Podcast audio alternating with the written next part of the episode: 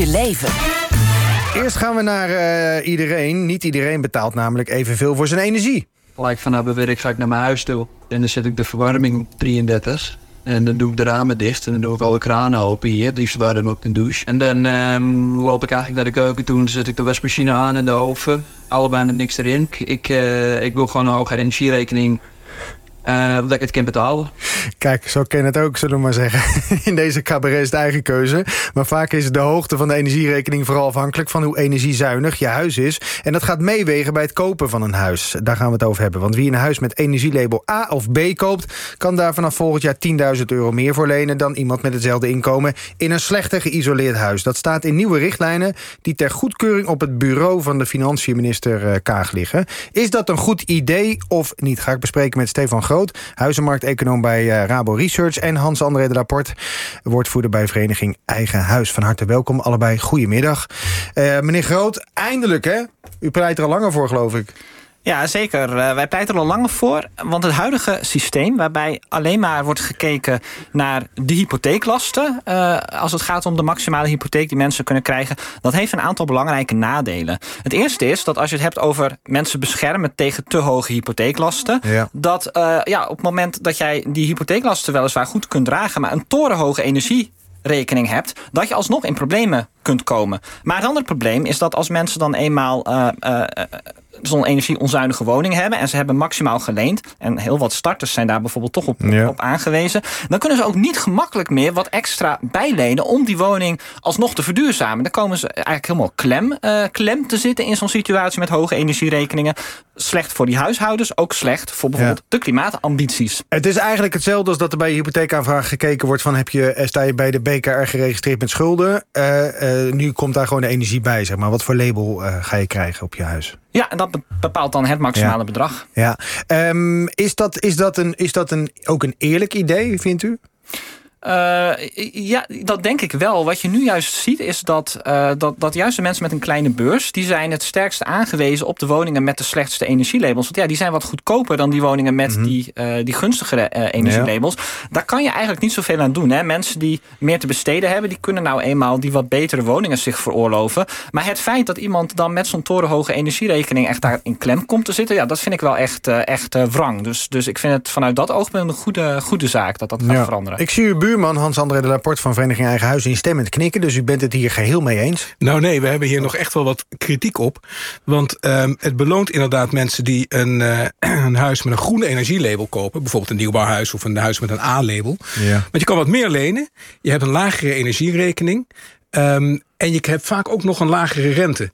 En, maar dat, de groep mensen die dat uh, het meeste nodig heeft... Dat zijn, de dat zijn de mensen die een huis kopen met een slecht energielabel. Die kunnen minder lenen. Mm -hmm. En die, uh, die moeten ook nog meer investeren... om dat huis een beetje op een niveau te krijgen... dat die energierekening uh, gaat dalen. Ja. En daar, daar zit er nou juist het, het, de, onze kritiek in. Want dit, deze maatregelen die stimuleren dat helemaal niet. Die, die stimuleren nou juist de mensen die, al een, die het al zich kunnen veroorloven... om een, om een groen energielabel huis te kopen. Terwijl al die rode energielabels, die kunnen minder lenen. En dan wordt gezegd, ja, dan kan je buiten de hypotheek... kan je nog om uh, 20.000 euro extra ja, lenen. Voor verduurzaming. Maar je kan 5.000 euro minder lenen. Ja, per saldo is dat 15.000 euro wat je dan zou kunnen gebruiken voor de verduurzaming van je huis. Dat is bij lange na niet genoeg. Je hebt nee. echt meer nodig, vaak het dubbele, om een begin te kunnen maken. En dan um, is het ook nog maar de vraag of, je, of de bank dat geld aan jou wil lenen. Want vergis je niet, het is niet een recht wat je hebt op die extra lening buiten, buiten de hypotheek om. Het is iets wat de bank mag aanbieden. Ja, hypothecaire instellingen kunnen dit doen, staat Kunnen dat, dat doen. En ja. wij weten uit het verleden, heel veel doen dat niet. Nee. U zegt eigenlijk, mag ik het zo samenvatten... Uh, ik maak me zorgen om het feit dat, dat uh, de voordeeltjes voor de mensen... die uh, goed in de slappe was zitten, zullen we maar zeggen... die wat te besteden ja. hebben, groter worden... en dat de mensen die het eigenlijk nodig hebben... dat die naast ja, buiten de pot pissen? Ja, en de prijsverschillen tussen woningen met een goed label en een slecht label zullen alleen maar oplopen. Dus de groene labels die zullen alleen maar duurder worden, want dat, dat is wat mensen willen hebben. En ja, dan kan je ook wat meer voor lenen.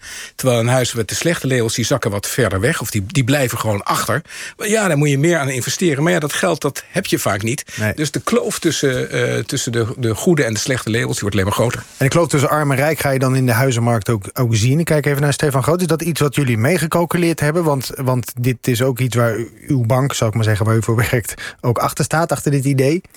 Ja, nou kijk, ik, ik denk dat, um, dat, dat de prijsverschillen tussen zuinige woningen en ons zuinige woningen... dat die inderdaad ietsje groter uh, hierdoor zullen worden. Want je ziet toch dat de huizenprijzen voor een belangrijk deel... worden bepaald door hoeveel mensen kunnen lenen. Dus, dus ja, dat is wel een keerzijde. Blijkt ook al uit onderzoek van ING, hè? even tussendoor... Dat, dat een groen energielabel voor veel huizenkopers nu ook al heel belangrijk is. De meeste mensen kijken, ik citeer even in een zoektocht... niet eens meer naar woningen met een lager label dan C... Nou, exact, dat was mijn volgende punt. En we zien ook dat daar behoorlijke, hè, als je dan zo'n investering doet, dat dat ook tot een behoorlijke waardesprong bij de woning uh, leidt. In heel veel gevallen met die huidige energieprijzen is het ook gewoon rendabel om zo'n investering te doen. Dus ik denk eigenlijk dat in combinatie met het feit dat als je dan zo'n minder zuinige woning uh, koopt, dat je ook juist extra kunt lenen om die stappen te zetten. Omdat die wat goedkoper is, die woning? Omdat je, nee, omdat je, nou, dit, hij wordt wat goedkoper, maar je kunt ook makkelijker wat bijlenen om dat energielabel. Ja, maar dat zegt meneer Laporte, dat, dat, dat dat in de praktijk misschien wel tegen kan vallen. Nou, ik, ik denk dat dat, dat meevalt. Dat wordt wel ja. ruim. En nu kunnen mensen als 9000 bijlenen. Dat, dat bedrag gaat wat, wat omhoog. Ik ben het wel met hem eens dat, dat als je kijkt van wat kost nou in zijn totaliteit... het optrekken van een woning van energielabel EFG naar A of B... Uh, ja, goed, dan ben je er met 20.000 euro nee. Uh, nee. niet. Ik moet een beetje denken, heren, aan, aan bijvoorbeeld de kritiek... die we wel eens krijgen als mensen zonnepanelen uh, leggen op hun huis. Dan, dan, dan wordt toch vaak gezegd, het is een subsidie voor de rijken. Want je hebt iemand die kan het betalen. Die energierekening gaat ja. naar beneden, dus je houdt nog meer over per maand. Uh, ik moet hier een beetje aan hetzelfde denken. Is dat terecht of niet? Ik dan te hoor ik een beetje ja, jullie zeggen net, meneer Ja, een beetje wel. Kijk, we misgunnen niemand een lagere rente. Um, en, en het klopt inderdaad dat als je, als je hele lage energielast hebt... dat je dan meer geld ja. over hebt om aan, die, aan je hypotheek te betalen. Maar de keerzijde, daar maken we ons zorgen over. Want ja. je moet juist mensen helpen en daar, daar, spelen de banken en de hypotheekregels waar we het nu over hebben een grote rol in. Um, helpen om een huis. Die, alle huizen zijn al duur. En mensen lenen vaak, dit zijn de, vaak de starters, tot het maximum. En moeten dan dus ook ja. nog gaan investeren en krijgen daar verdomd weinig hulp bij. En hoe en kunnen ze geholpen worden dan, als u zegt ze moeten geholpen worden? Nou, die hypotheekregels, hè, we hebben het nu over... je mag 15.000, je komt per saldo ja. op 15.000 euro extra. Dat zou het dubbele moeten zijn. Okay. 30.000 euro.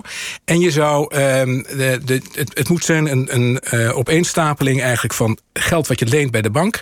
Uh, subsidies die je bij de overheid kunt krijgen... zodat je die stap van ja. een E-label naar een B of een A-label zou kunnen maken. En daar, daar lopen ontzettend veel mensen tegen aan, dat weten ja. we uit de praktijk. Want die kunnen het huis dan wel, wel kopen.